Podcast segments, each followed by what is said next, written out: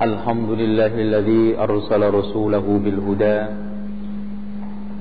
ودين الحق ليديره على الدين كله ولو كره المشركون. أشهد أن لا إله إلا الله وحده لا شريك له وأن محمدا عبده ورسوله لا نبي بعده. وأصلي وأسلم على هذا النبي الكريم محمد صلى الله عليه وسلم المبعوث رحمة للعالمين. فإن خير الحديث كتاب الله وخير الهدي هدي محمد صلى الله عليه وسلم وشر الأمور محدثاتها وكل محدثة بدعة وكل بدعة ضلالة وكل ضلالة في النار وإلى النار. Ikhwah sekalian Untuk mengisi kekosongan Atau vakum. Maka di sini Saya ingin mencoba ngajak kepada antum semuanya Dan diri saya Menumbuhkan gairah untuk Tolabul ilm Karena Rasulullah Bersabda di dalam hadis Yang diriwayatkan oleh Bukhari Muslim Atau muttafaqun alaih Mayyuridillahu bihi khairan yufaqihu fiddin. Pertanda orang itu dikehendaki oleh Allah baik di dalam agamanya, difahamkan ilmunya. Artinya hadirin sekalian, kalau sekarang ada tipe-tipe muslim tipe-tipe orang mukmin malas ngaji, malas cari ilmu, itu alamat buruk. Maka di sini ikhwah sekalian sangat banyak sekali pernyataan dari ulama-ulama. Di antaranya adalah Muhammad ibnu Sirin. Inna hadzal il inna hadzal ilma dinun fanzur amman ta'khuduna dina. Sesungguhnya ilmu ini agama. Agama ini ilmu. Mana sih sekarang ini agama ajaran yang nggak ada ilmunya? Antum lihat saja puasa ada ilmunya, sholat ada ilmunya, haji ada ilmunya. Seluruh agama ini nggak mungkin nggak ada ilmunya. Noh, bagaimana sekarang ini ada orang yang bercita-cita pingin agamanya benar, pingin jadi orang Muslim yang sahih, kalau malah cari ilmu. Maka Allah mengatakan Allah juga mengatakan yarfa'illahu alladhina amanu minkum walladhina utul ilma darajat. Allah akan mengangkat orang-orang yang beriman dan punya ilmu beberapa derajat. Bahkan perbedaan antara orang yang punya ilmu dengan orang yang tidak punya ilmu. Laksana orang berjalan telungkup dengan berjalan tegak. Sebagaimana yang digambarkan di dalam firman Allah.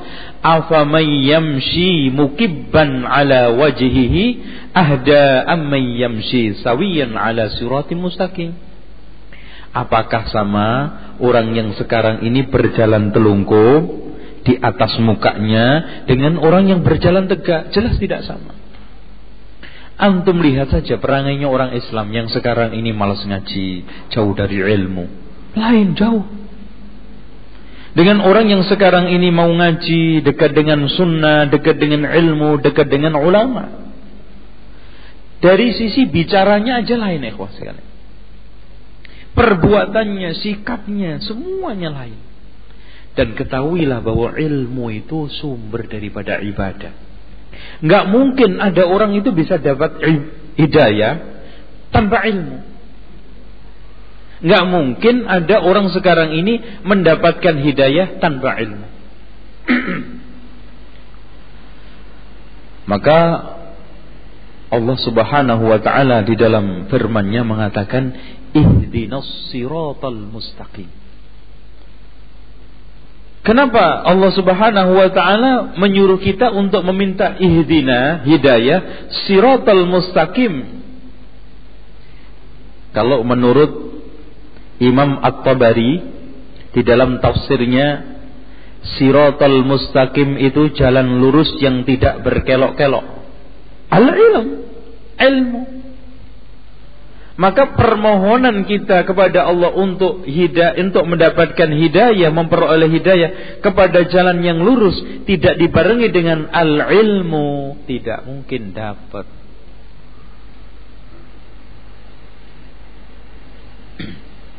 Maka di sini orang yang kita minta hidayahnya itu seperti an'amta alaihim.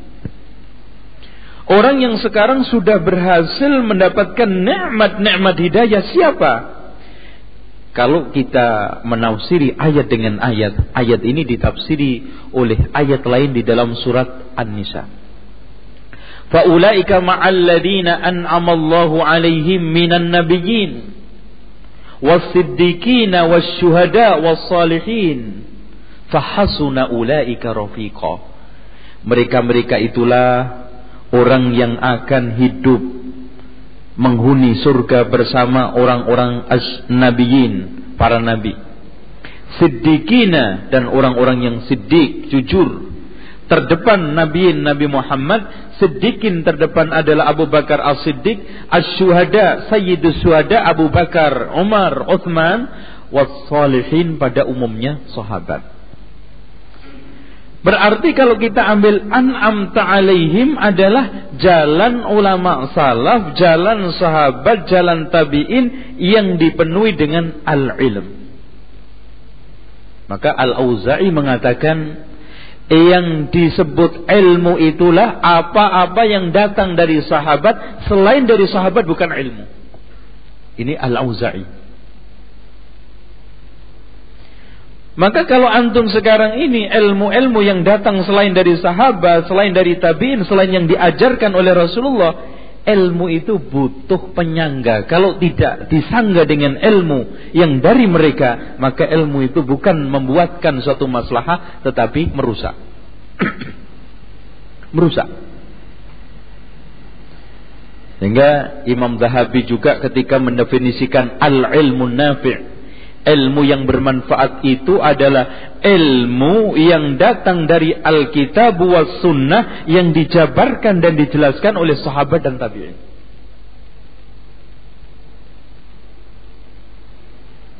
Ikhwah sekalian, kita mencoba untuk membuat uh, sedikit uh, apa namanya dorongan, motivasi. Kenapa sih kita itu kok sering didorong harus memiliki ilmu? Pertama ikhwah sekalian, saya sudah katakan tadi ilmu itu penyanggah ad-din. Tidak ada satu ajaran Islam pun yang tidak ada ilmunya. Sampai antum mau cebok, antum mau masuk WC ada ilmunya. Itu pertama. Keduanya, jadi orang bodoh itu nggak enak. Yang ketiganya, pemikiran sesat, aliran-aliran yang nyeleneh itu hanya subur di otak, di hati orang-orang yang jahil. Antum lihat saja. Masyarakat di mana masyarakat itu kok gampang kena aliran sesat, pemikiran-pemikiran sesat itu masuk karena rata-rata bodoh. Antum lihat saja pantau dari mulai aliran-aliran yang sesat akidahnya ininya itu hanya subur mudah diterima orang-orang yang sekolahnya SD aja nggak lulus ya Qurannya juga pelegak-peleguk bacanya. Kemudian belajarnya malas. Pengennya nerima mateng instan. Pokoknya apa yang dikatain orang itu sahih.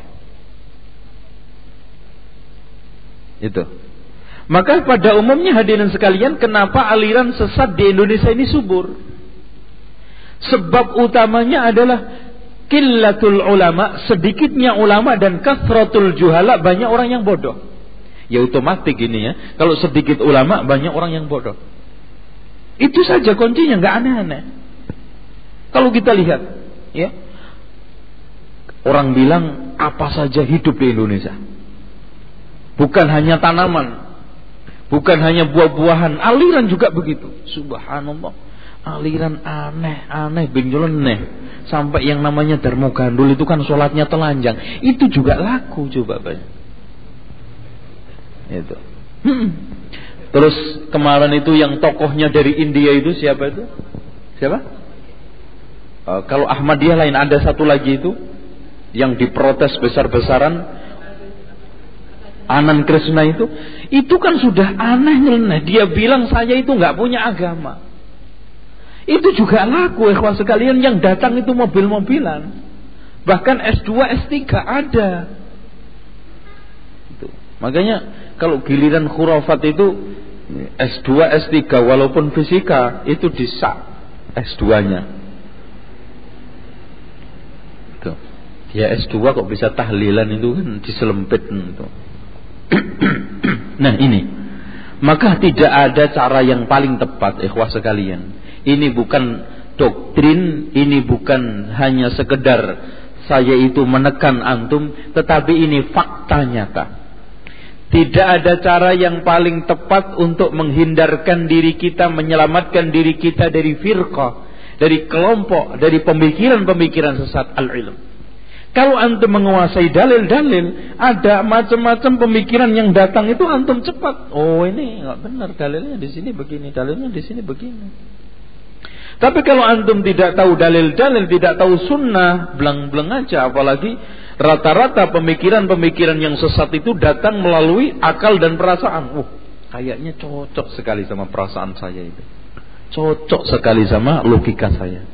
Itu. Orang-orang yang sufi itu kan ngantemnya perasaan.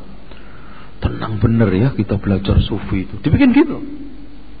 Tentrem, ini saking tentremnya nggak mau kerja sama sekali. Ya, makanya siapa saja yang belajar dengan selain sunnah itu kalau nggak semangatnya keterlaluan atau sudah futurnya keterlaluan. Gitu. Inilah apa yang dikatakan oleh Rasulullah di dalam hadisnya likulli amalin syirratun setiap amalan itu amal usaha itu ada masa-masa semangatnya walikulli syirratin fatratun dan setiap ada masa-masa semangat itu ada fatrah futurnya Faman kanat fatratuhu ila sunnatin faqad ihtada. Siapa yang masa-masa futurnya itu di atas sunnah dia akan mendapatkan petunjuk. Tetapi faman kanat fatratuhu ila ghairi dalika faqad halaka. Siapa yang masa-masa futurnya itu di luar itu dia akan hancur. Lihat aja orang-orang yang semangat di pergerakan, semangat di apa. Wow, pertama kali itu Masya Allah. Seakan-akan dunia itu di rangkul semuanya. Gerak sana gerak sini ini. Setelah futur plak saya ini mau apa? Terus kemudian setelah saya bekerja mendapatkan sekian ini mau saya apain? Bingung nggak ada pegangan. Sudah futur plak plak plak sampai jadi preman. Karena nggak ada petunjuk. Makanya kalau kita itu ada petunjuk pegangan sunnah. Umpamanya Sunnah di dalam masalah sholat, di sunnah di dalam masalah puasa, sunnah di dalam bergaul, sunnah di dalam apa. Ada pegangan yang kita buat pegang. Inilah yang dikatakan oleh Rasulullah SAW. Alaikum bisunnati wa sunnatil khulafair rasyidin. Kuatir-kuatir kalau antum ini futur, ada pegangan. Makanya Rasulullah mengatakan tamasak. Kayak orang tenggelam itu loh mas. Sehingga di dalam uh, hadis yang lainnya juga taraktu fikum amraini in tamassaktum bihima lan tadillu ba'di kitabullah wa sunnati. Saya tinggalkan di, di, di dalam kalian dua perkara kalau kamu pegang teguh. Soalnya fitnah, futur itu kayak orang tenggelam. Rumput juga dibuat pegangan. Ini kalau tidak ada sunnah, antum bisa tenggelam. Pegangan terhadap sesuatu, sesuatu yang bid'ah itu kayak pegangan rumput pegangan rumput. Itu. Otomatis yang namanya rumput tidak akan bisa menyelamatkan. Dikiranya itu bisa menyelamatkan, disabet begitu saja, ternyata malah tenggelam bersama orang. Itu. Maka kalau mau pegangan, pegangan pohon atau akar yang kuat, yaitu as-sunnah. Nah, ikhwah sekalian berarti di sini untuk mengkanter berbagai macam itu semuanya tidak lain adalah al bil ilm. Ilmu apa? Ilmu nafi ilmu yang bermanfaat. Katanya Hasan al Basri memang ilmu itu ada dua. Ilmun fil qalbi dzaka huwal ilmu nafi. Ilmu yang menghunjam di dalam hati itulah ilmu yang bermanfaat. Ilmu yang datang dari sunnah. Maka di sini kalau sudah ilmu itu menghunjam di dalam hati karena benar karena sunnah, maka menumbuhkan sikap khusyuk. Dan dikatakan oleh Imam Ahmad aslul ilmi al khusyuk. Asas ilmu dasar ilmu itu khusyuk. Bahkan Abdullah ibnu Mas'ud mengatakan juga kafa bil khasyati ilman. Cukup khusyuk itu sebagai ilmu. Karena orang untuk bisa khusyuk, benar-benar khusyuk loh mas. Bukan khusyuk bikin-bikinan artinya ngirain khusyuk ternyata khusyuknya Buddha meditasi. Itu khusyuk sesat. Ilmu. Maka Allah juga menegaskan innama yakhsyallaha min ibadihil ulama. Orang yang paling khusyuk, orang yang paling sekarang hatinya tenang adalah ulama. Kenapa? Ulama. Karena ulama orang yang paling terdepan mengetahui Allah, mengenal Allah dan orang yang paling tahu Allah, itulah orang yang paling khusyuk. Bagaimana antum bisa muncul khusyuk? Allah aja nggak kenal. Ma'rifatullah itu bisa dilandasi, bisa didapat setelah kita bisa menguasai ilmu. Maka untuk sampai kepada khusyuk harus ma'rifatullah. Untuk nyampe kepada tahapan ma'rifatullah bil ilm. Jangan kayak orang sufi itu mau ma'rifatullah dengan cara-cara bid'ah ya menyiksa diri puasa tiga tahun tiga bulan tiga hari atau puasa ngerowo disiksa kalau badannya ini disiksa siksa siksa akhirnya syahwatnya lumpuh datanglah kekuatan-kekuatan dari Allah sifat-sifat Allah itu masuk ke dirinya. Kalau sifat Allah itu sudah menyatu dengan dirinya maka muncul hulul. Kalau sudah hulul, maka dia akan nyampe kepada kasyaf tersingkapnya tabir macam-macam yang tidak diketahui oleh orang-orang awam. Istilah mereka di dalam bahasa Jawa Jawa kebatinannya weruh sak durunge winara sudah tahu sebelum diberitahu. Atau weruh sak kara. Tahu apa-apa yang dibungkus rapi. Ini kan sudah kalau nyampe keyakinan seperti ini apa enggak sesat? Atau dengan cara-cara zikir. Makanya orang sufi untuk nyampe kepada e, makomnya ma'rifatullah menurut menurut mereka itu kan dengan menyiksa diri dan zikir. Zikir itu juga sampai mudah nggak ingat siapa-siapa di dalam istilah mereka itu disebut fana. Fana itu siapa saya itu sudah nggak tahu, saking konsentrasi zikirnya. Sehingga fana-fana melebur, wujudlah antara saya dengan Allah di dalam satu kekuatan. Muncul wahdatul wujud. Nah ini cara-cara ma'rifatullah yang tidak sah. Ma'rifatullah tidak bisa didapat. Innama yakshallaha min ibadihil ulama. Tidak bisa didapat. Kecuali mempelajari ilmu-ilmu yang ada di sunnah. Itu. Jangan keliru. Jangan salah jalan. Berarti di sini ikhwah sekalian ilmu yang bermanfaat itu ilmu yang dari sunnah yang dikatakan oleh siapa tadi? Az-Zahabi bahwa ilmu yang bermanfaat adalah ilmu yang datang dari Alkitab wa Sunnah yang dijelaskan oleh sahabat-sahabat Rasulullah sallallahu alaihi wasallam. Dzaka huwal ilmu nafi. Nah, adapun jenis ilmu yang kedua katanya Hasan Al-Basri yang pertama tadi ilmun fil qalbi. Dzaka huwal ilmu nafi. Itulah ilmu yang bermanfaat. Yang kedua adalah ilmun fil lisan. Ilmu yang di lisan. Ini ilmunya khawarij disebutkan dalam hadis Rasulullah SAW baca Al-Quran lam yablugh tarafihi nggak nyampe ke bawahnya sini cuman di sini. Yamrukuna minad din kama yamrukus sahmu minar ramiyah. Nggak nyampe ke bawah tenggorokan artinya nggak khusyuk. Ilmunya itu nggak menimbulkan khusyuk malah mengeluarkan dia dari Islam. Jangan. Nah ini eh, cukup untuk mendasari kita talabul ilm. Kalau begitu hadirin sekalian, kita sudah memutuskan bahwa ilmu yang sahih, ilmu yang bermanfaat adalah ilmu yang tadi dari Alkitab wa Sunnah menurut pemahaman as-sahabah yang dijelaskan dijabarkan oleh sahabat maka ternyata memang benar tamasuk berpegang teguh terhadap sunnah itu wajib maka ulama-ulama mengatakan as-sa'adatu kullu sa'adah. Kebahagiaan di atas kebahagiaan, panjang umur, tetap teguh di atas sunnah. Dan sebaliknya, kesengsaraan di atas kesengsaraan adalah seumur-umur hidupnya untuk menyelisih sunnah-sunnah Rasulullah SAW.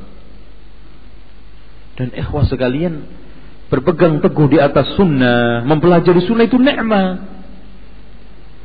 Maka Ibnu Qayyim mengatakan, barang siapa yang telah mengetahui segala sesuatu belum tahu Allah, masih bodoh, belum tahu apa-apa. Dan barang siapa yang sekarang ini sudah merasakan seluruh nikmatnya dunia ini, belum ngerasain nikmatnya sunnah, nikmatnya Islam, belum ngerasain apa-apa, bahkan mungkin nikmat berbalik menjadi malapetaka dan sengsara. Ini yang disebut al-yawma akmaltu lakum dinakum wa atmamtu alaikum ni'mati wa raditu lakum al-islam. Nikmat yang antum makan, yang antum nikmati ini enggak akan sempurna kalau enggak antum ini lengkapi dengan al-Islam. Apa saja antum? Dari mulai makan, kalau enggak ada sunnah di makanan itu, enggak lengkap nikmat antum. Di antaranya melengkapi sunnah, melengkapi makan, sebelum makan baca bismillah mau makan baca bismillah dengan tangan kanan. Ini kan pelengkap.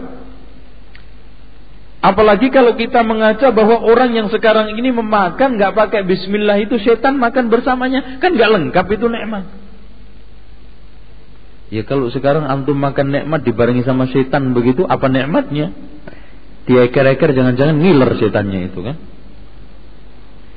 So hewan, kalau antum selidiki, pokoknya yang namanya nikmat apa saja, kalau tidak dilengkapi, tidak ada Islam di situ, tidak ada sunnah di situ, nikmat itu cacat. Ini makna al-yawma akmaltu lakum dinakum wa atmamtu alaikum ni'mati wa raditu lakum al-islam dina. Sehingga di sini antum kadang-kadang prinsip hidup ini kayak orang Wonogiri makannya makan singkong kayak-kayak sudah keju.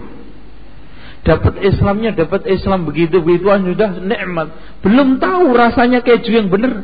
Coba pelajari sunnah dengan baik. Coba pelajari Islam ini dengan sahih. Oh ternyata ini loh yang keju. Kemarin itu baru singkong kita.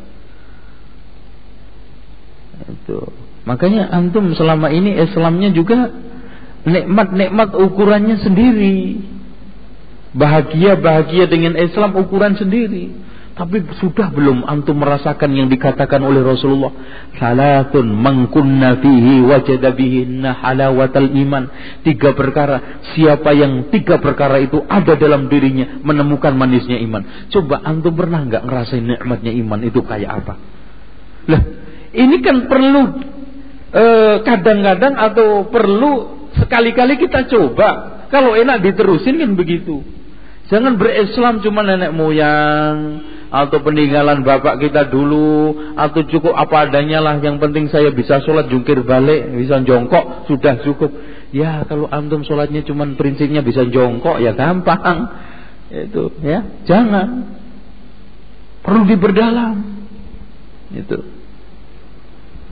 Nah untuk memperdalam itu al ilmu tidak lain tadi itu Ma'rifatul kitab wa sunnah Mengenal isi Alkitab Mengenal penjelasan-penjelasan sunnah Ala fahmi sahabat Sebagaimana yang dikatakan oleh Imam Al-Zahabi Ikhwah sekalian Ibnu Abbas Pernah menjelaskan Atau menafsiri firman Allah Yang bunyinya Al-yawma lakum tadi. Al-yawma akmaltu lakum dinakum tadi.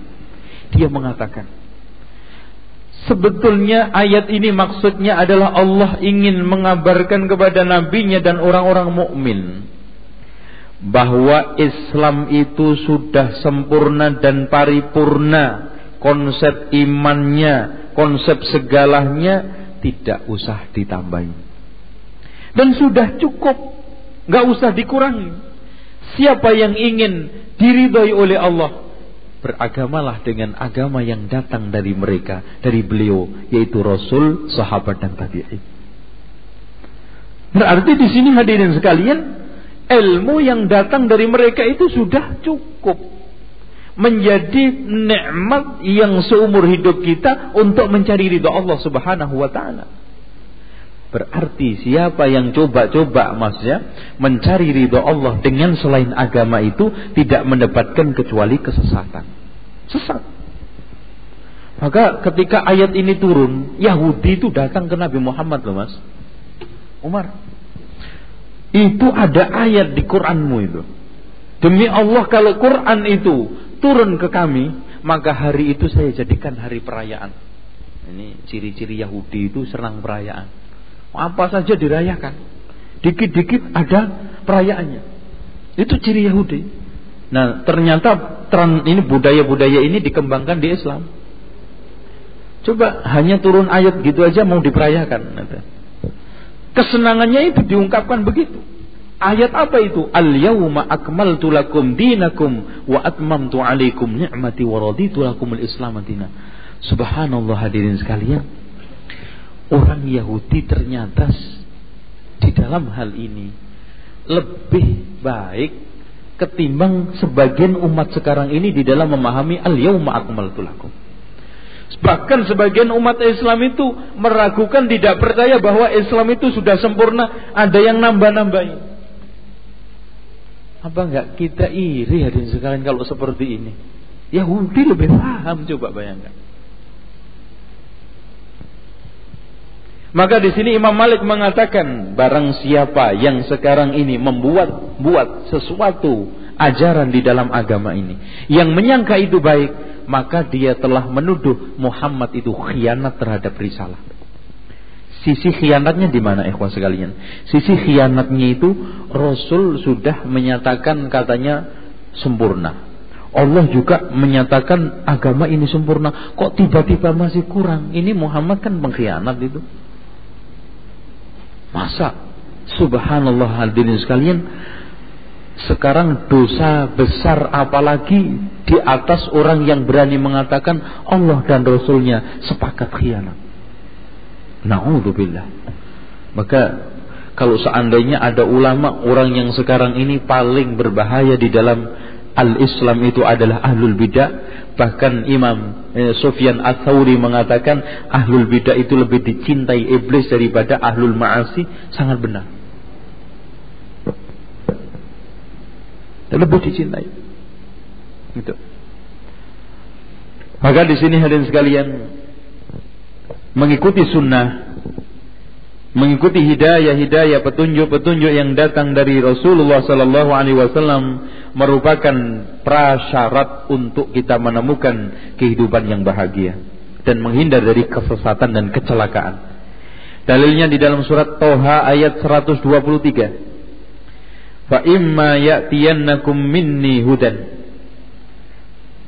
Mungkin datang kepada kalian dariku petunjuk famanittaba'a hudaya fala yadhillu wa la yashqa barang siapa yang mengikuti petunjukku maka tidak akan sesat dan tidak akan celaka prasyarat ya sekalian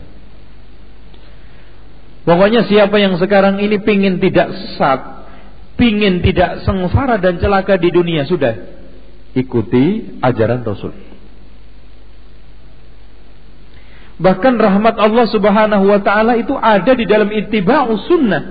Coba antum perhatikan di dalam firman Allah. Wasi'at kulla syai'in fasa'aktubuha lilladheena yattaqun wa yu'tuna az-zakah walladheena hum biayatina yu'minun alladheena yattabi'una al-rasulan nabiyyal ummi.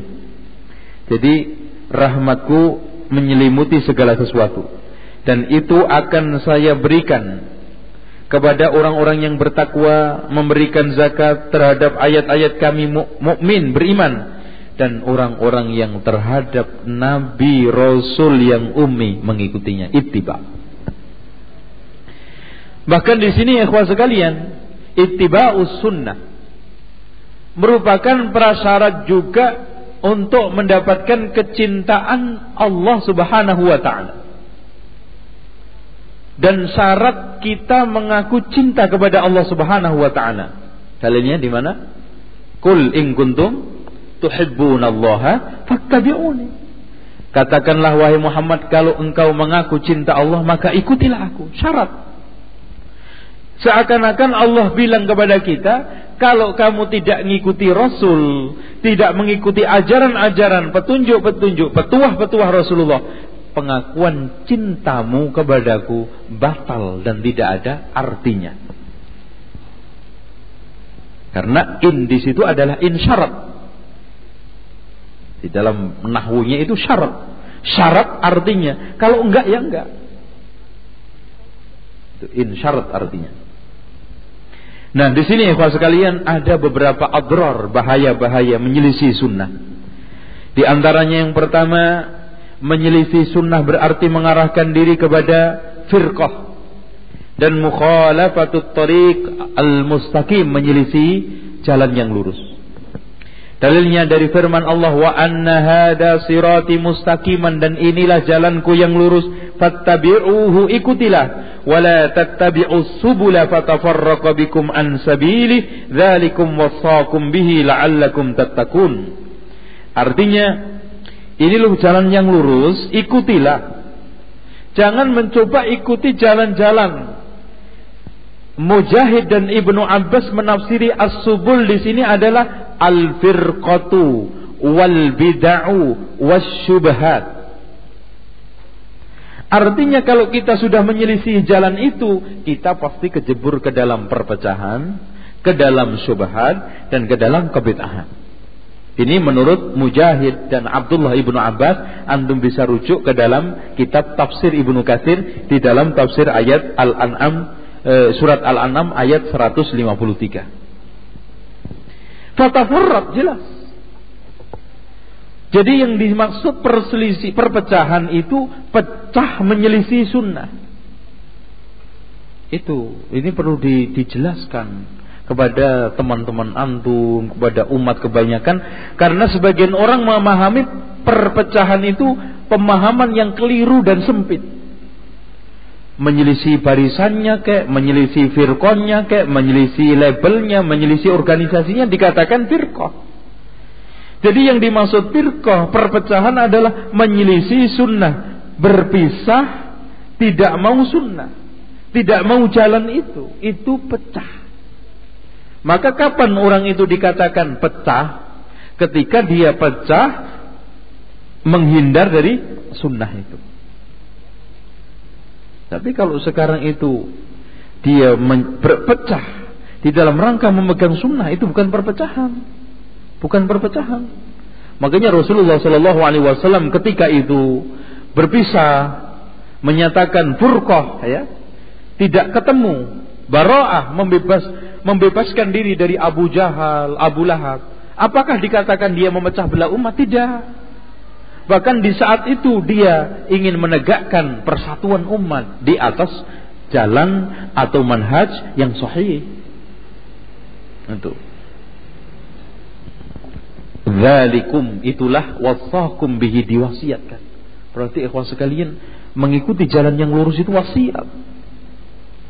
Wasiat. Ya, wasiat. Yang selanjutnya menyelisih sunnah berarti menyelisih ijma'ul ummah. Sesat dan tidak berakhir kecuali neraka. Antum lihat di dalam firman Allah, "Wa man yushakikir rasulah." Ini uh, ayat berapa ini? Wa man yushakikir rasula min ba'di ma tabayyana lahul huda wa yattabi' ghaira sabilil mu'minin nuwallihi ma tawalla wa masira. Barang siapa yang menyelisih Rasul dan mengikut setelah jelas penjelasan petunjuk ya, setelah nampak terang nyata penjelasan petunjuk yaitu sunnah dan mengikuti jalan-jalan bukan jalan mukmin maka kami akan membiarkan mereka leluasa di atas kesesatan dan akan saya panggang di atas neraka dan itulah sejelek-jelek tempat pemanggangan. Ya, dipanggang di, di atas api sate mendingan antum. Dipanggang nusli asla itu artinya dipanggang. Nuslihi jahannam wasaat masir. Sejelek-jeleknya tempat tinggal.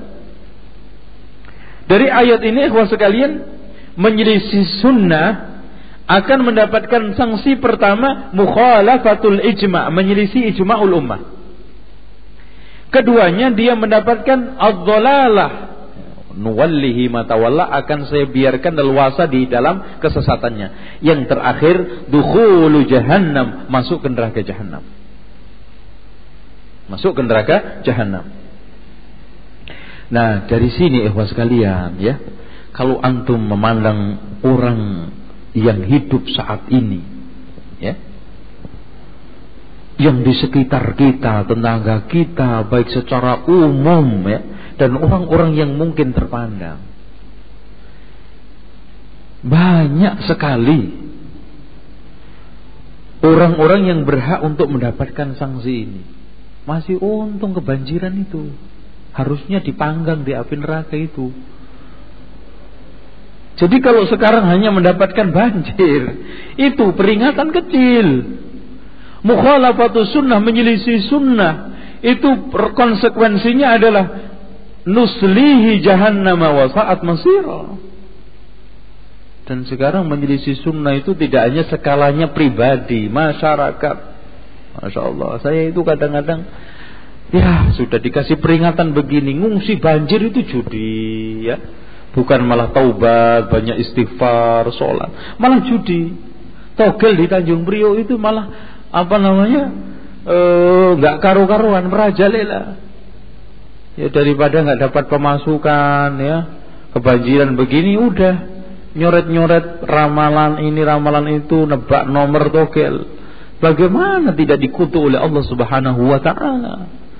Belum pelecehan sunnah, belum pernyataan-pernyataan yang nyeleneh, semua agama baik, jangan ngaku benar sendiri. Itu. Udah, jadi kacamata sunnah di Indonesia itu sudah carut marut dan tokoh-tokohnya ini memang masya Allah mengundang laknat Allah Subhanahu Wa Taala. Mengundang laknat Allah Subhanahu Wa Taala. Coba bayangkan, jelas hari raya hari raya yang khurafat, hari raya-hari raya yang bid'iyah kufar, itu jangankan di ini eh, dihidupkan ikhwan sekalian. Ditulis di dalam suatu buku dan itu hari raya hari raya yang sah di dalam di negara ini sudah nggak boleh itu. Malah sekarang dihidupkan, di ini. Makanya ada patung baru lagi. Sudah patung sekian ribu di Indonesia menyebabkan malaikat enggan turun ke Indonesia. Sekarang patung barongsai datang lagi. Ini tambah lagi, ngenes lagi. Mau masuk, mundur lagi. Antum kan dengar hadis itu. Bahwa rumah mana saja yang ada patungnya atau anjingnya tidak akan dimasuki oleh malaikat. Kalau sudah rumah tidak dimasuki malaikat, di mana berkahnya? Gak ada. Maka negeri kita yang dihuni oleh rumah-rumah yang patungnya Masya Allah Bahkan jualan patung Gimana bisa turun berkah? Gak bisa. Ini akibat dari mukhalafatus sunnah banyak sekali Masya Allah. Makanya antum harus pahamkan kepada orang-orang. Agar tidak menambah kutukan dan laknah Allah subhanahu wa ta'ala. Akibat mukhalafatu sunnah. Yang selanjutnya. Orang yang sekarang ini mukhalafatus sunnah akan menemui kehancuran dunia akhirat. Di dalam hadis Rasulullah SAW yang diriwayatkan oleh Imam Ahmad dan Ibnu Majah. Inni taraktukum alal bayda. Layluha kanahariha. La yazighu anha ba'di illa halikun.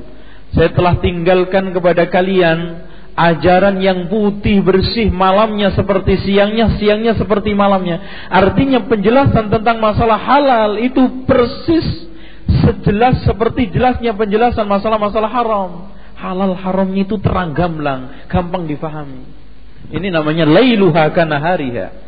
Tidak akan tersesat. Ini tidak ada orang yang menyelisihinya keluar darinya kecuali halik, kecuali orang yang hancur saja.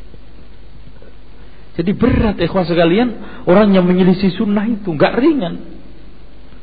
Jadi tidak hanya sekedar saya itu ah paling-paling nggak dikatakan kiai atau nggak jadi ustadz. Naudzubillah antum sekarang ini mempraktekkan sunnah, melaksanakan sunnah itu bukan karena untuk mendapatkan titel guru ustaz.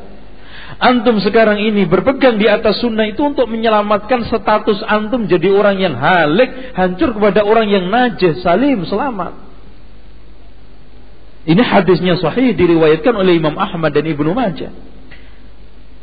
Maka di sini ikhwah sekalian jangan sampai beranggapan sunnah dan ketika berbicara masalah sunnah, sunnah menurut ulama fikih atau usul fikih yang artinya tidak wajib. Yang dimaksud di sini adalah sunnah menurut ulama akidah, yaitu apa-apa kalau ditinggalkan kita menyebabkan celaka. Celaka. Halik. Yang tadi itu dikatakan oleh Rasulullah Sallallahu Alaihi Wasallam, saya tinggalkan dua perkara. Kalau kamu pegang teguh, kamu tidak akan sesat. Konsekuensinya itu sesat atau tidak sesat. Yaitu apa? Kitabullah wa sunnati, yaitu sunnah Rasulullah Sallallahu Alaihi Wasallam. Selanjutnya hadirin sekalian, konsekuensi pelecehan atau meninggalkan sunnah akan muncul berbagai bentuk kebid'ahan. Sebagaimana yang dikatakan oleh Imam Al-Barbahari di dalam kitab Syarhus Sunnah, tidaklah ada kebid'ahan yang hidup, maka sunnah sepadan akan mati. Suatu contoh aja ya, tidaklah kebid'ahan masjid hidup, sunnah sepadan di masjid akan mati.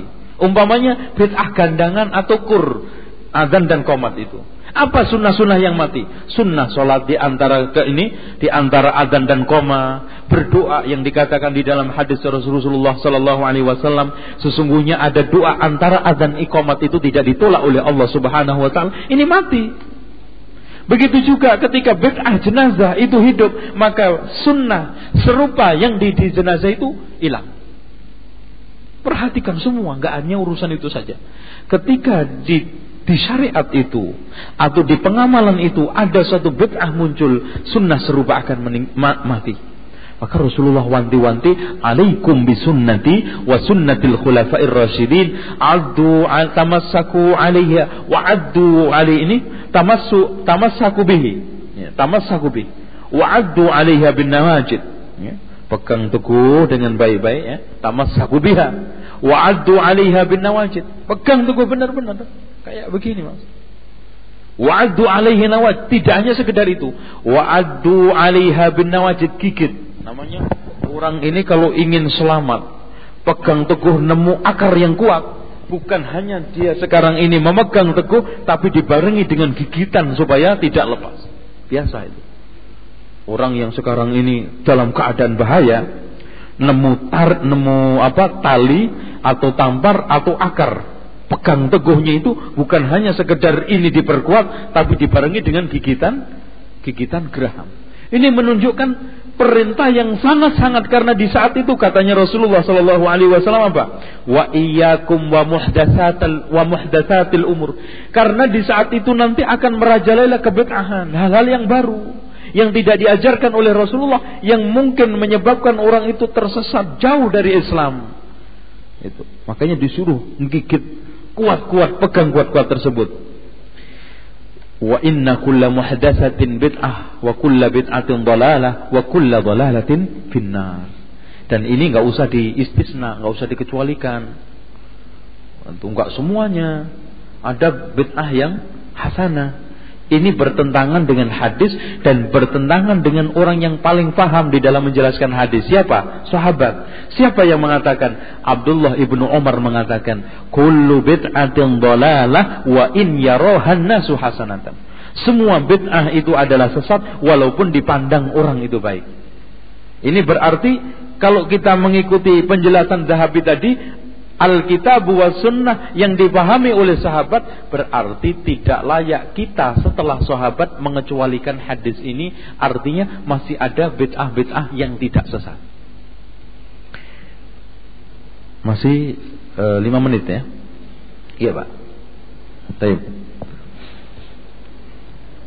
Nah, selanjutnya di sini ada pernyataan tentang tahdir, ancaman terhadap bid'ah pembunuhan terhadap sunnah Al-Fudail bin Iyad mengatakan Man zawwaja karimatahu bimubtadi'in faqad qata'a rahimahu. Barang siapa yang menikahkan anak turunnya putri-putrinya dengan ahlul bidah berarti dia telah memutuskan silaturahminya. Putus habis riwayatnya. Sudah nikah selesai kita mungkin tidak berhak, tidak pernah apa namanya mau menas, menisbatkan nasab-nasab anak mereka kepada kita. Ya anak-anaknya keluar dari sunnah semuanya. Siapa yang mau? Malah da'i ilal bidah di antara mereka generasi-generasi pelanjutnya itu da'i kepada kebid'ahan. Nauzubillah. Nah, makanya ini hati-hati. Bahkan di sini ada pernyataan dari Abul Jauza. Saya bertetangga dengan keras sama babi itu lebih mendingan daripada bertetangga dengan ahlul bidah. Wah ini lebih keras lagi ini. Itu kalau diucapkan di mimbar masjid bisa bubar itu ya.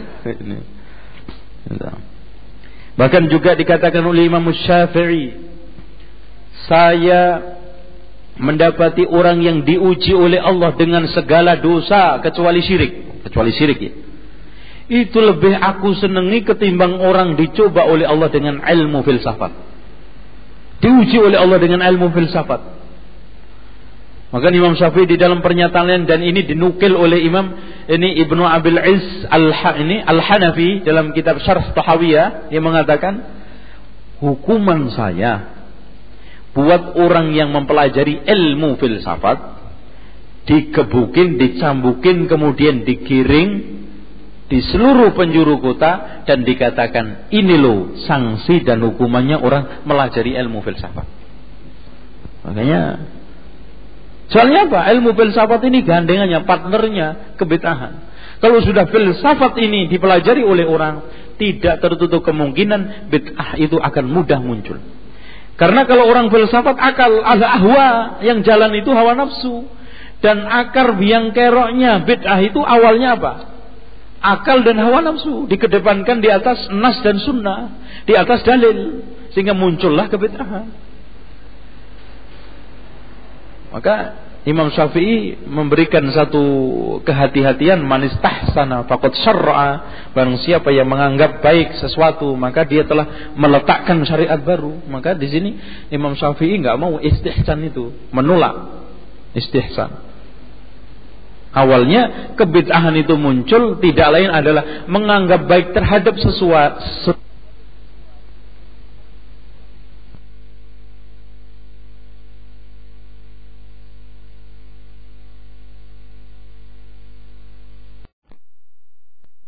Setelah ini ada lagi Pak ya? Setelah sholat Ada? Sudah cukup? Ada ya?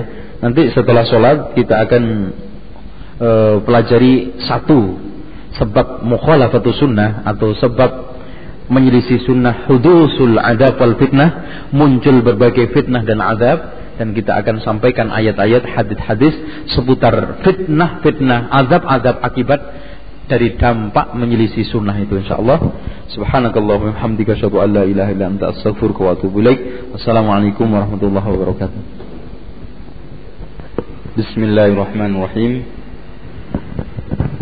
الحمد لله رب العالمين والصلاة والسلام على أشرف الأنبياء والمرسلين وعلى آله وأصحابه ومن تبعهم بإحسان إلى يوم الدين وبعد Ikhwas sekalian, kita tadi membahas panjang lebar adror bahaya menyelisih sunnah dan dampak-dampaknya. Terakhir, dampak menyelisih sunnah adalah hudufil fitnah wal adab munculnya berbagai macam fitnah dan azab, siksaan. Fitnah yang terbesar dikatakan oleh ulama-ulama tafsir adalah fitnatus syirki wal kufri wal bidah. Munculnya berbagai bentuk kesyirikan dan kekufuran. Bahkan kesyirikan dan kekufuran sekarang ini dianggap hal biasa dan lumrah. Dibikin juga bangga orang berbuat syirik dan kufur. Orang syirik dilombain itu kan nggak membuat bangga orang syirik. Dilindungi pakai undang-undang, ya, kuburan dilindungi, ya, tempat-tempat keramat dikasih undang-undang. Ya, ini semuanya adalah fitnah. Di antaranya fitnah juga fitnatul ma'asi, munculnya berbagai maksiat. Dan kalau sudah maksiat merajalela inilah awal daripada munculnya azab. Maka Allah Subhanahu wa taala menyatakan di dalam firman-Nya, "Fattaqu fitnatan la tusibanna alladziina zalamu minkum khassah." Takutlah terhadap satu fitnah yang tidak akan menimpa atas orang-orang yang zalim saja. Allah juga mewanti-wanti dalam surat An-Nur ayat 93. "Falyahdharil ladzina yukhalifuna an amrihi an tusibahum fitnatun aw yusibahum adzabun alim." Hendaklah mereka-mereka itu takut menyelisih sunnah Rasulullah SAW, menyelisih perintah Rasulullah Akibat daripada menyelisih sunnah dampaknya adalah bahum fitnah. Mereka tertimpa fitnah. Ya, fitnah yang saya sebutkan tadi termasuk fitnatul adab yang disebut dalam firman Allah tadi wattaqu fitnatan la tusibanna alladziina zalamu minkum khassah. Dikatakan oleh Ibnu Katsir di dalam tafsirnya yang dimaksud di sini adalah fitnatus syirki wal kufri wan nifaqi wal bid'ah. Ini fitnah Fitnah awal, fitnah nomor satu, fitnah yang ter paling berbahaya. Au yusibahum azabun alim atau tertimpa suatu azab yang pedih nanti di akhirat. Jadi dampak dari menyelisih sunnah itu dunia akhirat, ikhwan. Dunia ditimpakan oleh Allah berbagai bentuk fitnah, azab dari mulai syirik, kufur, nifak, bid'ah, terus kemudian fitnatul ma'asi, maksiat. Kalau sudah maksiat ini merajalela, di sini sanksinya sangat berat sebagaimana hadis yang diriwayatkan oleh Imam Ahmad di dalam musnadnya idza dhaharal ma'asi fi ummati kalau sudah maksiat nampak merajalela di umatku. Ammahumullahu taala bi'adzabin minhu. Allah akan meratakan azab kepada mereka. Kemudian salah seorang sahabat menanyakan, "Fakultu ya Rasulullah, saya bertanya wahai Rasulullah, Ama fihim yawma idin unasun salihun? Pun bukankah ketika ada azab tersebut ada manusia-manusia yang salihun? Na'am. Ma terus kemudian qultu saya bertanya lagi madza yaf'alullahu bihaula apa yang diperbuat oleh Allah terhadap orang-orang yang soleh itu katanya Rasulullah qala yusibuhum ma asaban nas dia tertimpa, mereka tertimpa sebagaimana manusia-manusia yang lainnya tertimpa musibah itu. Thumma yasiruna ila maghfiratin minallah wa ridwan. Kemudian dia kembali kepada Allah membawa maghfirah dan ridwan atau keridoannya. Artinya ikhwah sekalian, kalau sudah fitnah yang berupa maksiat akibat dari menyelisih sunnah itu dilakukan oleh masyarakat, oleh negara, oleh umat ini terang-terangan tanpa dedeng aling-aling, tanpa ada segan-segan, maka Allah akan meratakan azab semua. Ini juga bagian daripada uh, ini dampak kita mendiamkan atau tidak melakukan amar ma'ruf nahi mungkar. Ini dampaknya. Seperti kapal Rasulullah mengumpamakan kan ada dua kapal yang bawah karena segan ke atas kalau mengambil air lewat atas kemudian nggak enak lalu dia mencoba untuk me melakukan jalan pintas ngambil air dengan me apa melubangi kapal bawah akhirnya pelan pelan pelan air itu ngendap ngendap ngendap. Akhirnya banyak tenggelamlah semuanya. Atas bawah kena. Begitu juga masyarakat. Awalnya maksiat dilakukan sedikit sedikit sedikit dibiarkan, akhirnya kapal masyarakat, kapal umat itu tenggelam. Banyaklah merajalela kemungkaran, maksiat sehingga Allah Subhanahu wa taala mengirimkan azab. Yang bagian daripada azab itu banjir hujan, longsor dan yang lainnya, ya. Di sini juga ada hadis dari diriwayatkan oleh Ibnu Majah dan hadis ini dihasankan oleh Imam Al Albani. Lam tadhuri ini Rasulullah Sallallahu Alaihi Wasallam ketika itu duduk-duduk sama sahabat di antaranya adalah ada muhajirin. Kemudian Rasulullah Sallallahu Alaihi Wasallam menatap muka orang-orang muhajirin, terutama Umar bin Khattab radhiyallahu an. Wahai kaum muhajirin, akan muncul lima bencana dan aku berlindung kepada Allah agar kalian tidak menemuinya. Yang pertama Rasulullah mengatakan, lam tadhuril fahishatu fi qaumin qad hatta yu'linu biha illa fasha fihim at-ta'un wal awja allati lam takun madat fi aslafihim alladhina madaw. Tidaklah kaum itu menampakkan suatu maksiat sehingga menjadi merajalela maksiat di mana-mana. Fahisyah terutama maksiat perzinaan. Allah akan menimpakan taun penyakit yang diakibatkan dari virus-virus yang dibawa oleh tikus yang bisa membunuh orang. Wal auja dan wabah-wabah yang tidak ada ter, tidak pernah menimpa dan terjadi pada umat-umat yang dahulu. Dan ini hadirin sekalian sudah kita alami. Penyakit yang berbagai macam penyakit ya sudah diciptakan berbagai bentuk obat, terapi, penanggulangan, alternatif, alternatif obat, tapi tetap Allah Subhanahu wa taala menimpakan berbagai azab. Ini tidak lain hanyalah karena maksiat merajalela. Terutama maksiat al-fahisyah perzinaan. Dan tanda hari kiamat ikhwah sekalian. Di dalam hadis Rasulullah sallallahu alaihi wasallam disebutkan inna min asyratis saah bagian daripada tanda kiamat yakfurul jahlu Pertama, yurfa'ul ilmu diangkatnya ilmu. Wa yakfurul jahlu merajalela kebodohan. Wa yushrabul khamru diminum khamr itu. Wa yabshuz zina dan merajalela perzinaan. Ngeri hadirin sekalian kalau sekarang ini. Ya. Penjajah seks. Kemudian dosa-dosa akibat perzinaan, ulah manusia di dalam melakukan perzinaan sudah nyampe pada titik apa namanya layak untuk diadab. Kalau kita bandingkan yang dulu kaum Lot yang ditimpakan oleh Allah azab seperti itu, itu hanya homoseks. Sekarang ini dipadu-padu. Tuh melihat itu CD-CD yang dijual porno sudah melampaui batas apa yang dilakukan oleh Lot. Subhanallah hadirin sekalian, kalau enggak sayangnya Rasulullah SAW yang berdoa di antara doa Rasulullah Wasallam minta semua azab-azab itu ditunda nanti di hari kiamat. Kita sudah diazab oleh Allah.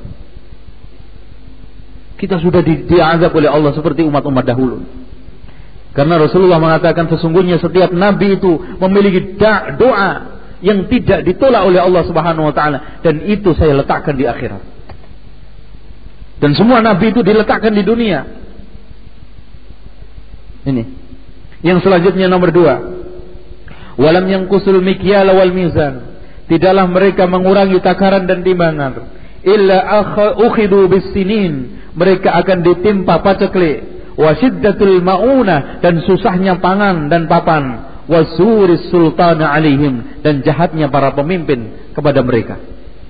Maka dari sini Syekhul Islam Ibnu Qayyim Al-Jauzi mengatakan sesungguhnya rakyat itu cerminan ini pemimpin itu cerminan rakyat Makanya sekarang ini jangan banyak protes pemimpin. Jangan banyak mengkritiki pemimpin. Benahi diri kamu.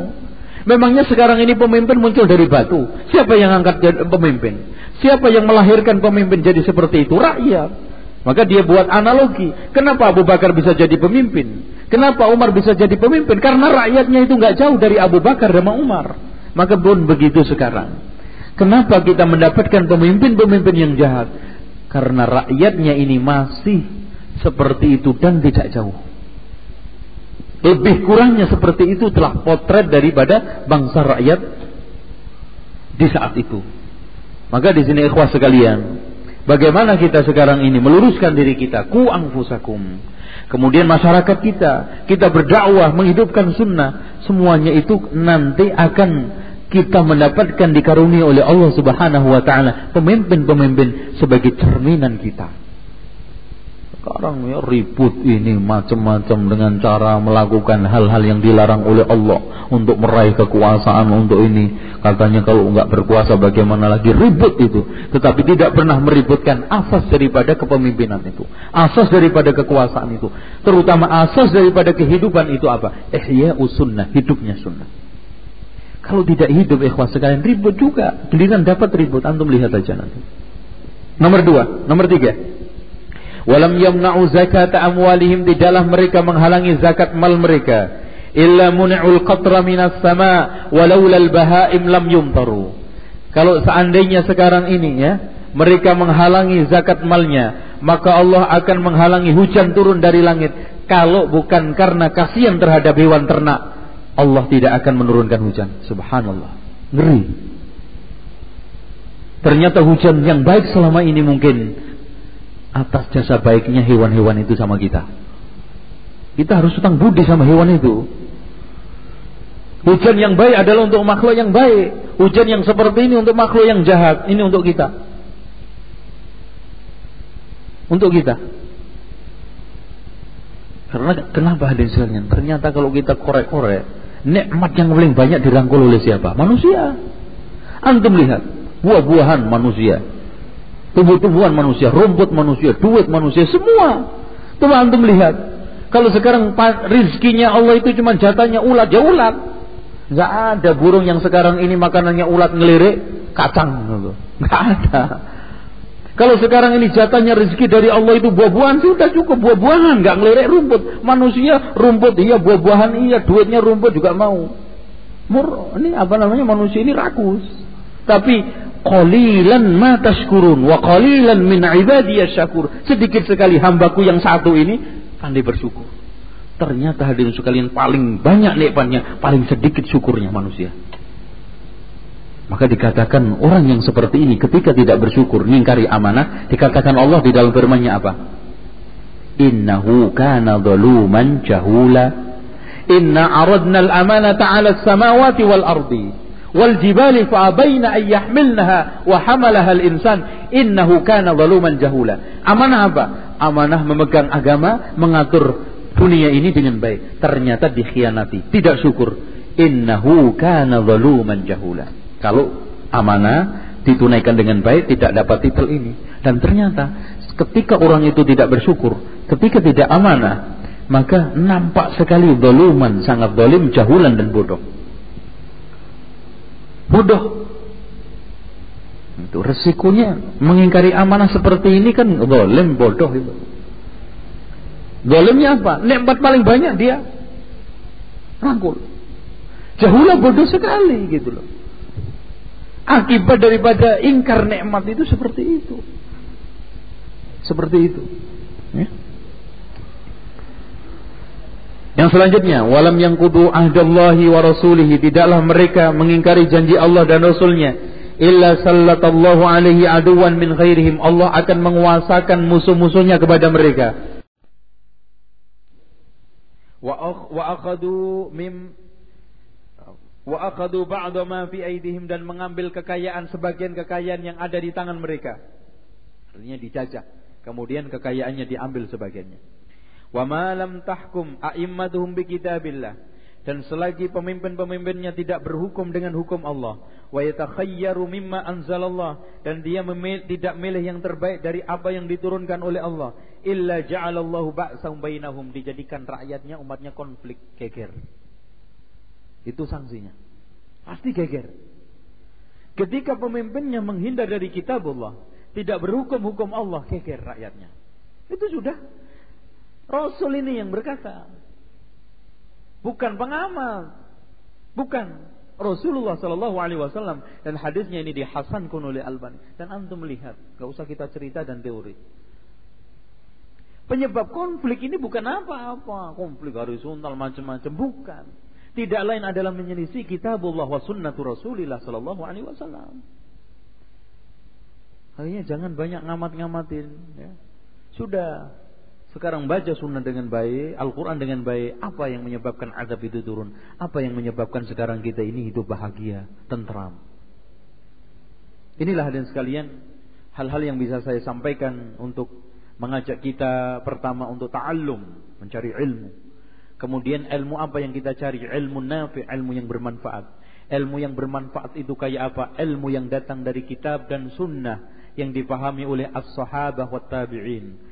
Kemudian bahaya-bahaya kita menyelisih sunnah karena ilmu itu ternyata ada di sunnah. Mendalami sunnah, berpegang teguh kepada sunnah sehingga muncul khasyah takut kepada Allah Subhanahu wa taala karena innama yakhsyallaha min ibadihi ulama. Orang yang paling takut kepada Allah adalah ulama, orang yang punya ilmu yaitu ilmu sunnah. Demikian hadirin sekalian, mudah-mudahan berfaedah dan mungkin ada yang bertanya seputar masalah kurban dan yang lainnya. Tadi sengaja kita membahas masalah kurban, tapi saya pikir pertama sudah ada buku, keduanya mungkin kalau ada masalah kita selesaikan di tanya jawab. Fadhal.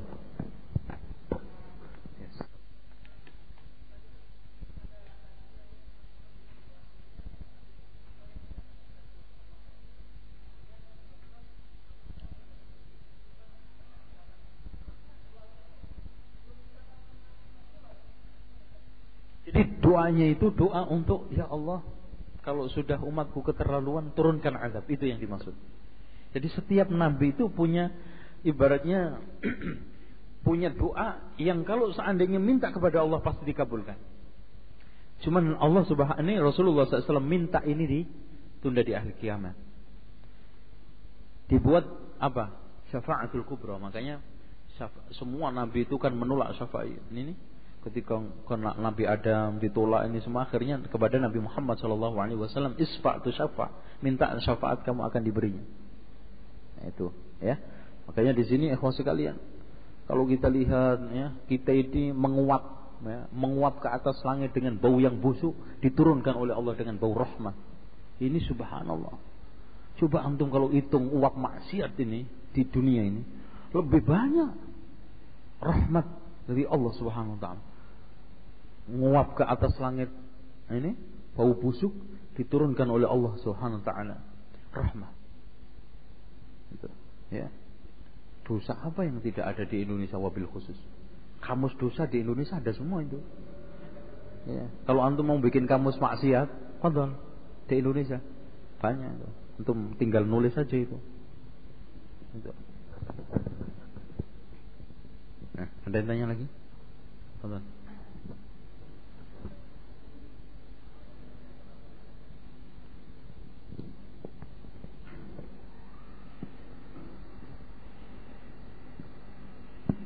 konton kalau saya tidak salah dengar tadi pada sesi pertama sebelum kita break sholat, ya.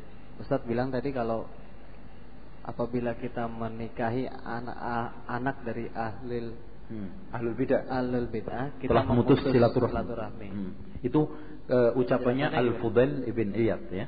Penjelasannya gimana Ustaz? Karena begini, uh, misalnya hmm. uh, ada orang, ada laki-laki menikahi anak dari seseorang yang mungkin mengikuti aliran seperti di Jawa ini ada kejawen. Hmm. Pada saat mau menikah, dia memutuskan bahwa dia yakin ada hari baik, bulan baik. Sedangkan di Islam itu kan tidak ada. Hmm. Mungkin bisa dikasih penjelasan Ustaz. Hadirin sekalian, penekanannya ini cowoknya ahlul bidah. Ya, penekanannya. Karena rata-rata posisi perempuan itu lemah.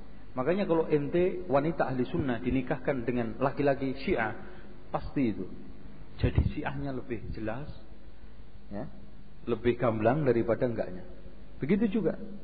Antum ada muslimah yang thayyibah yang bagus nikah sama komunis sama Kristen, pasti jadi.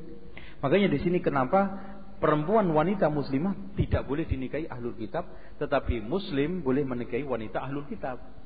Karena intinya rijalu qawwamuna 'ala nisa. Nah bahayanya ikhwah sekalian, kalau antum sekarang menikahkan anak antum dengan ahlul bidah, putus. Gak usah nunggu setelah nikah, ente nikah aja sudah gak bisa datang itu. Pertama dogeran, langsung ketopraan, besoknya tahlilan, besoknya lagi manakiban. Sudah semuanya, dari mulai awal sampai akhir, betah acaranya semuanya. Gak bisa hadir. Gimana antum bisa hadir? Sudah putus. Itu penjelasannya. Nah, tentang masalah orang-orang yang klenik, ini klenik, ini khurafat itu ya dan bahkan nyampe kepada syirik. Kalau dia mengatakan dan berpegang teguh bahwa nasib baik itu tergantung itu syirik. Umpamanya barang siapa yang nikah orang yang umurnya ini orang yang lahirnya Jumat Pon. Jumat Pon itu kan 13 hitungannya. 13 terus kemudian Selasa Pahing itu 27. 25 sama 27 itu kan digabung jadi berapa itu? Wah itu hitungannya gede. Kalau seperti ini, mah jempol. Bagus, hitungannya tipe-tipe gedong. Di artinya hitungannya itu kan uh, Nah, nanti itu kalau sudah gedong, wah ini rumahnya gedong apa apa enak gitu. gitu.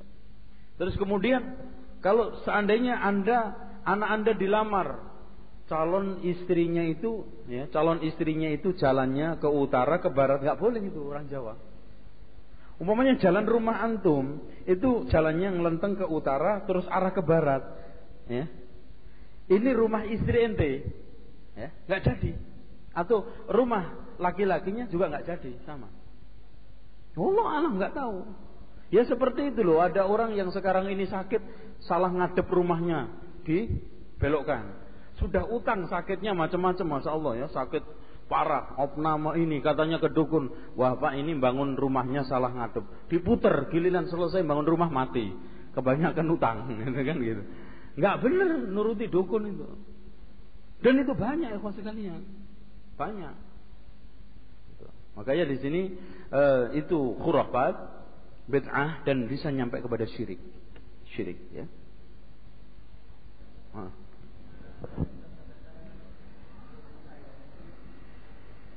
Saya tanyakan perbedaan antara ahlu bid'ah dengan pelaku bid'ah gitu.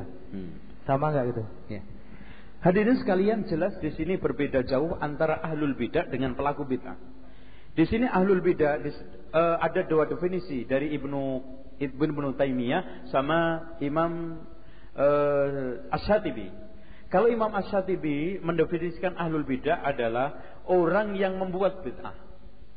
Membuat dan mendakwahkan bid'ah tersebut.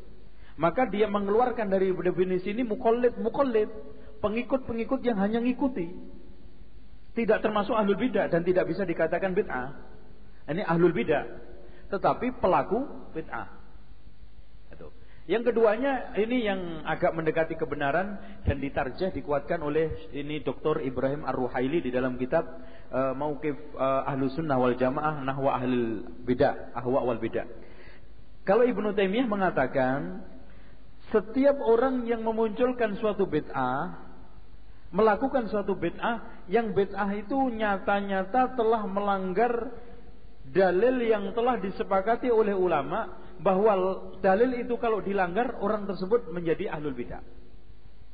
Jadi intinya ahlul bid'ah menurut Ibnu Qayyim ini Ibnu Taimiyah siapa saja yang melakukan bid'ah dan bid'ah itu melanggar dalil yang masyhur. Kalau dilanggar dia menyebabkan ahlul bidah, maka dia disebut ahlul bidah.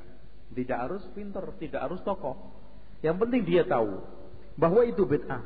Dan bid'ah itu telah disepakati oleh ulama sebagai suatu perkara yang bid'ah dasarnya jelas, maka dia disebut ahlul bidah. Nah, dengan demikian orang-orang yang sekarang ini e, membuat suatu kebid'ahan dan jelas dalilnya itu bid'ah, maka biasa dikatakan ahlul bid'ah. Itu ya, bisa dikatakan ahlul bid'ah. Nah, tentang masalah nuduh, monis, ini ada syaratnya lagi. Syarat syarat fonis mutlak lain dengan syarat fonis mu, mu, muayyan. Jadi mutlak itu umumnya siapa yang melakukan ini ini ini ahlul bidah. Tapi sekarang fonis khusus lain. Orang berorang.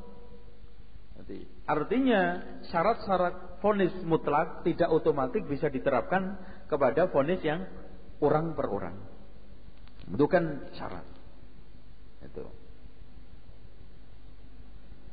Nah, ada lagi yang tanya? Oke. Pelaku bid'ah itu mukallid, pelaku itu orang-orang yang taklid mengikuti saja, nggak tahu e, dasarnya juga bahwa bid'ah itu ini bahwa perkara ini bid'ah besar atau kecilnya pokoknya ngikuti aja lah. Rata-rata juhala ini pelaku. Seperti orang-orang yang melakukan ini peringatan-peringatan Maulud Nabi ya di pelosok-pelosok itu itu termasuk pelaku bid'ah.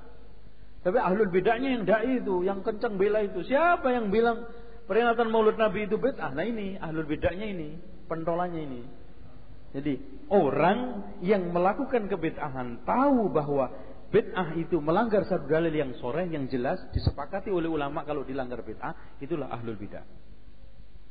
Itu ya. Ustaz, berkaitan dengan uh, kurban uh. Ustaz, uh, kalau kita mau kurban itu kan uh, mungkin kita motong satu kambing terus diniatkan untuk untuk keluarga bisa nggak Ustaz?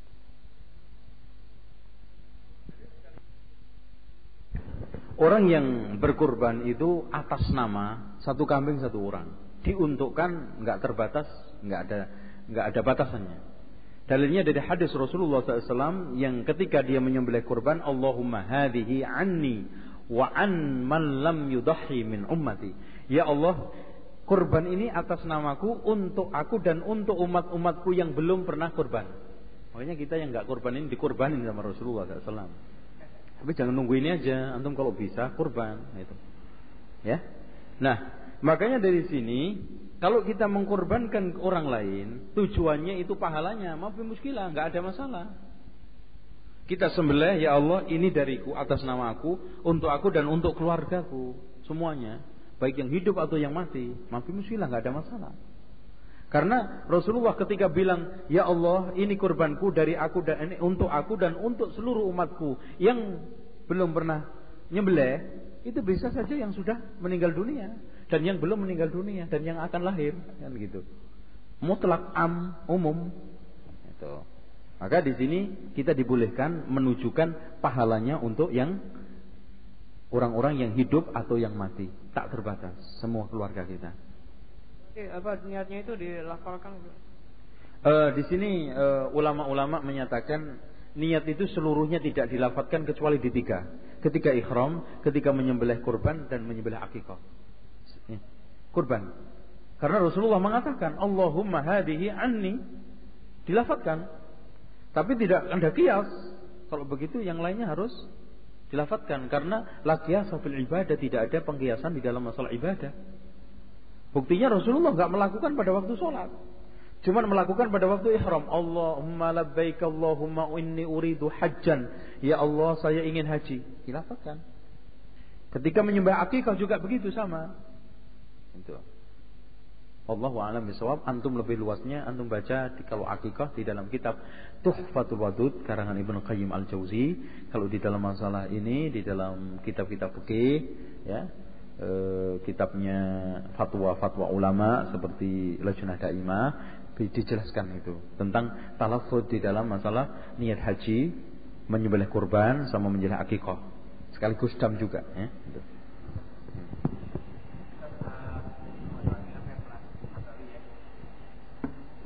Kitab memang bahwa kalau akikah itu kan diperbolehkan ngutang saat ya.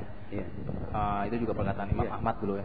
Dan kalau kurban bagaimana saat ngutang boleh nggak yang pertama? Hmm. Yang kedua bagaimana saat ya? Uh, ada kasusnya untuk uh, penyembelihan sapi ya, korban sapi ya.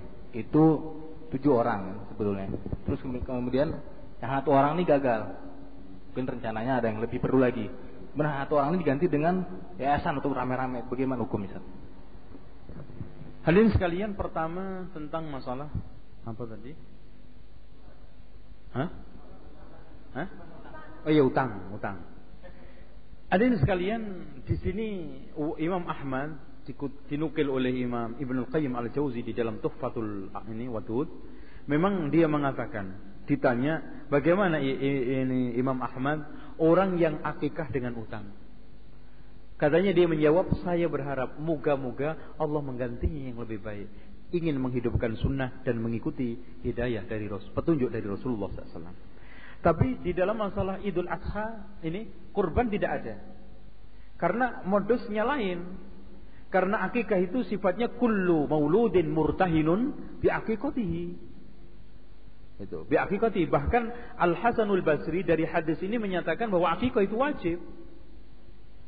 Namun di sini ulama-ulama tentang masalah ah, ini kurban tidak ada ikatan-ikatan yang sifatnya ilzam mengharuskan. Maka di sini kalau memang tidak mampu, ya sudah, nggak usah hutang. Karena Rasulullah Shallallahu Alaihi Wasallam sendiri itu mengajak umatnya untuk berlindung dari utang. Allahumma inni a'udzubika min ghalabadid dain wa qahri rijal. Apalagi utang untuk hal-hal yang sunnah. Itu tidak abdol. Utang untuk hal-hal yang sunnah itu tidak abdol. Itu tidak abdol. Tuh. Adapun hadis tentang masalah Man wajada sa'atan falam yudahi fala yaqrabanna musallana. Barang siapa yang mendapat keleluasaan tidak menyembelih kurban, maka jangan dekat-dekat musalla kami. Ini hadisnya dhaif. Dhaif jiddan karena ada Abdullah ibn Ayyash. Abdullah ibn Ayyash ini sudah masyhur sekali di kalangan ulama bahwa dia adalah dhaif hadisnya. Sampai hadis tentang e, salat hajat itu e, batilnya karena ada dia ini gitu ya. Ada dia. Nah, tentang masalah kasus yang kedua yaitu ada orang yang menyembelih sapi untuk orang tujuh sahih di atas namakan tujuh orang. Ternyata salah satunya itu mengundurkan diri diganti 10 atau 11 orang patungan bareng-bareng untuk nutupin itu. Ini jelas tidak ada sunnahnya. Dan saya katakan cenderung kita bisa mengada-ada sesuatu perkara di dalam agama. Karena menyelisih sunnah itu kalau kita mengilzamkan bisa menjadi bid'ah. Pertama, tidak semua menyelisih sunnah itu mengakibatkan bid'ah, mungkin saja maksiat. Tetapi kalau menyelisih sunnah, terus kemudian diilzamkan, dianggap baik itu, bisa jadi bid'ah. Makanya menyelisih sunnah, kalau sudah menganggap baik, masuk ke dalam bid'ah. Nah, kita khawatir kasus ini seperti uh, apa namanya tahlilan dan yang lainnya. Dahulunya mungkin hanya sekedar untuk ngumpulin orang daripada bengong-bengong, lamun ditinggal orang-orang yang meninggal dunia, kita begadang lah baca apa yang terserah. Akhirnya dibikin ritual khusus. Lama kelamaan, lama kelamaan dianggaplah itu suatu, suatu hal yang bagus. Setelah lama-lama kelamaan dianggap suatu hal yang mirip sunnah. Bahkan sekarang ini kalau ditentang dia mencak-mencak dan menganggap berarti itu sunnah. Alasannya apa? Itu Pak Kiai melakukan, ini si fulan si fulan melakukan. Kita khawatir juga begitu. Kita menjelaskan bahwa itu tidak ada sunnahnya, itu tidak ada penjelasannya. Itu Pak Kiai melakukan itu nggak apa-apa itu. Akhirnya menjadi kebiasaan. Dan kalau kita ingin memberikan contoh di sekolah sangat gampang sekali, tidak harus seperti itu. Kan gurunya banyak. Masa sekian 50 atau 40 guru gak ada yang korban. Udahlah ada 2 3 yang korban. Dikasih contoh di korban sekolahan, diundang anak-anak. Nih bapak korban ini, coba lihat sunnahnya itu seperti ini nih. Yuk makan bareng-bareng. Kalau memang mau menegakkan sunnah dan memberikan contoh sekaligus, enak kan? Atau kita memohon minta ke panitia-panitia korban yang lebih itu di beberapa masjid, yayasan dan yang lainnya untuk di sekolahan. Kita latih cara cara melaksanakannya, ini penjelasan sunnahnya, praktek-prakteknya, enak. Itu yang namanya melatih anak untuk berkorban. Tapi kalau caranya ngelatih seperti itu, kurban juga enggak, makan-makan juga enggak, apa ini bingung saya, kan gitu. Muridnya juga sendiri bingung. Tidak semua ini syekh kan? Dikiranya praktek seperti itu sesuai dengan dalil, sesuai dengan sunnah, dianggap baik, sholat sholat. Sudah diteruskan. Akhirnya sekarang jadi adat kan, kebiasaan tiap tahun kalau nggak begitu kayaknya kurang afdol kan gitu. Bisa-bisa jadi dalil nanti itu. Seperti tahlilan, seperti layaknya bid'ah-bid'ah yang lainnya awalnya seperti itu. Wallahu a'lam bishawab.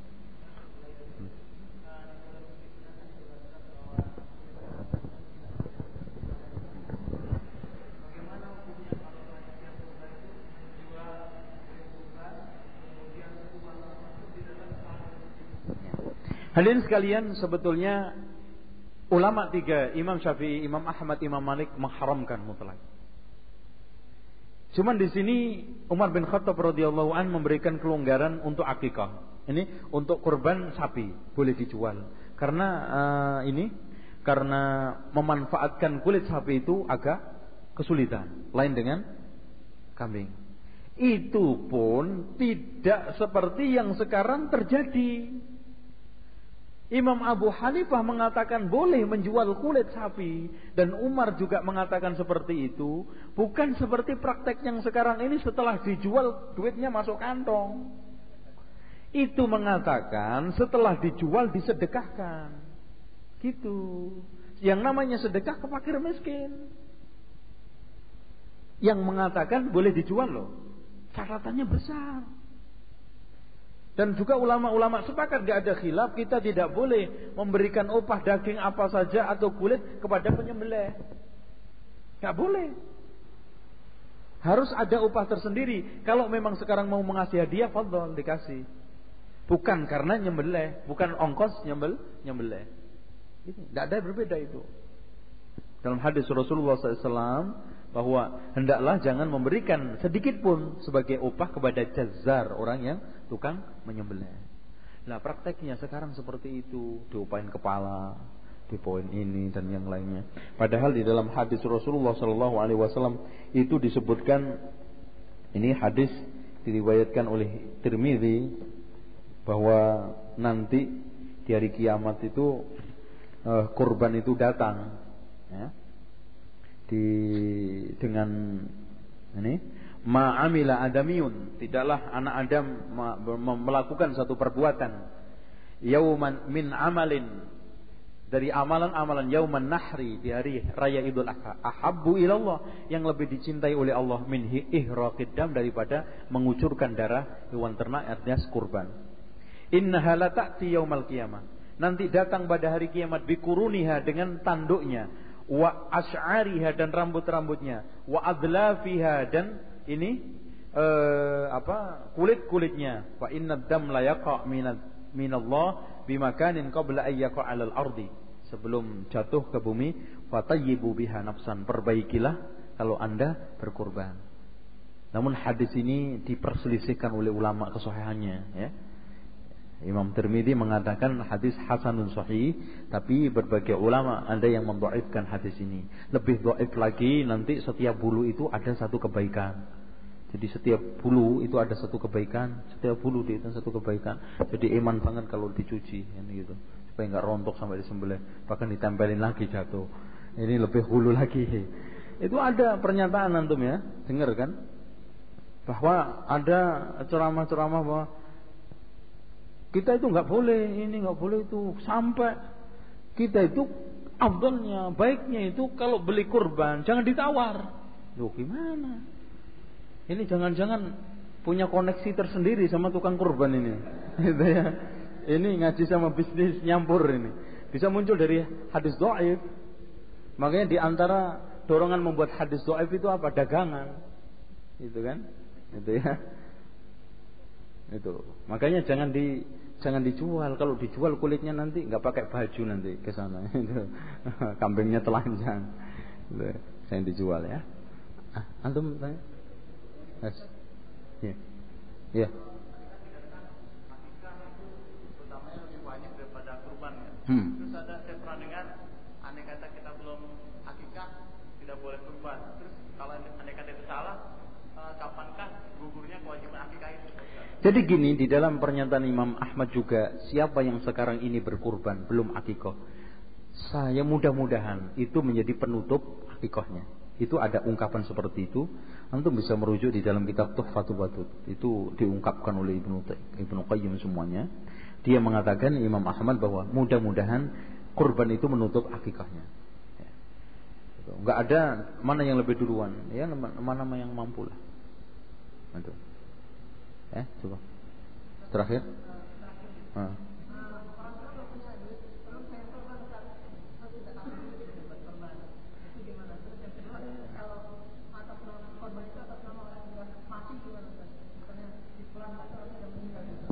Enggak ada. Karena orang orang yang sekarang ini diwakili atau dikorbankan orang lain itu syaratnya harus mukallaf, masih hidup. Karena nanti untuk disembelih orang lain itu akan harus pakai wakalah, diwakilkan. Bagaimana orang yang mati mewakilkan? Tak bisa. Nah, makanya tepatnya enaknya itu bagi orang yang tidak mampu, bagi orang yang sudah meninggal dunia, kayak Nabi Muhammad tadi lah, nyunah lah. Apa? Sembelihlah ente, Bismillahirrahmanirrahim. Ya Allah, ini dariku atas namaku untuk saya dan untuk ibu saya. Enak lah. Baik yang meninggal ini kena semua tuh. Betul. Lah kalau ingin muhasin ya bilangin aja sudah kok. Ini Bu, sudah saya sembelih itu. Sudah bilangin aja, sudah saya sembelih. Gitu. Ibu juga masuk insya Allah gitu. Bilangin dan masuk itu sudah kita sebut. Nah, kan? Itu. Hmm.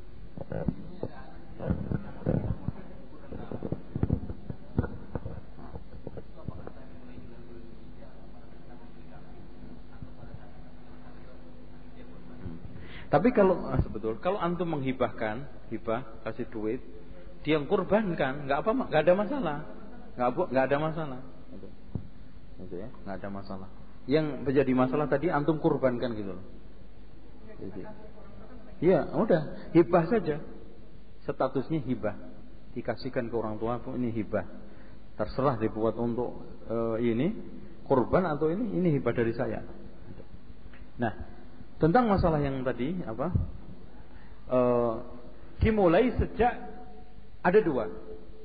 Kalau kita itu siap-siap melakukan kurban sebelum niatnya itu sebelum masuk Dhul Hijjah, maka mulai tidak memotong kuku, tidak mulai menggunting rambut itu ketika masuk Dhul Hijjah.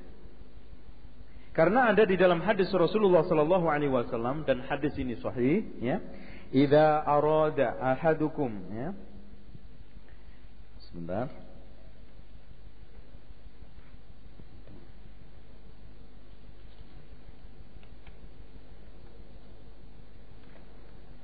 Nah, idza ra'aitum hilal dzil hijjah.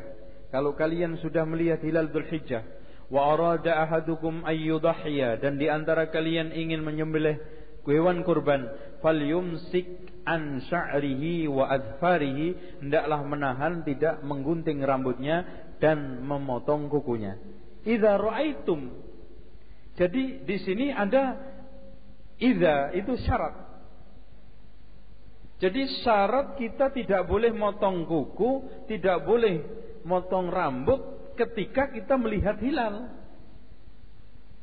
Gitu. Kalau belum muncul hilal, belum datang perintah itu. Atau tadi masuk hilal sudah, masuk satu Dhul Hijjah, tapi belum niat-niat juga. Eh sekarang ini kurang tiga hari, empat hari ada duit. Niat deh saya mau korban. Sejak kita sekarang ini beli kambing jebret, mulai tidak memotong rambut dan memotong kuku. Itu caranya. Ya. Oh. Jadi kalau sudah niat sejak awal jangan nunggu beli kambing dulu. Gitu ya. Kayaknya tinggal sekarang ini kita Karena Rasulullah SAW di sini aroda mau, berarti belum beli kambing. Aroda mau hendak, gitu ya. Atau sudah ada kambingnya. Intinya di sini dimulai sejak dia itu berkehendak, loh. Aroda, sudah? Subhanakallah.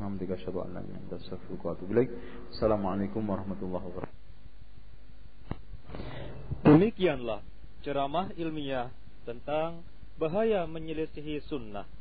Bagi Anda yang ingin memiliki kaset ini, hubungi Tasjilat As-Sofa Al-Islamiyah. Alamat Jalan Raya Leteng Agung Barat, nomor 35, Jagakarsa, Jakarta Selatan. Telepon 788 36327 fax 788 36326 kode daerah 021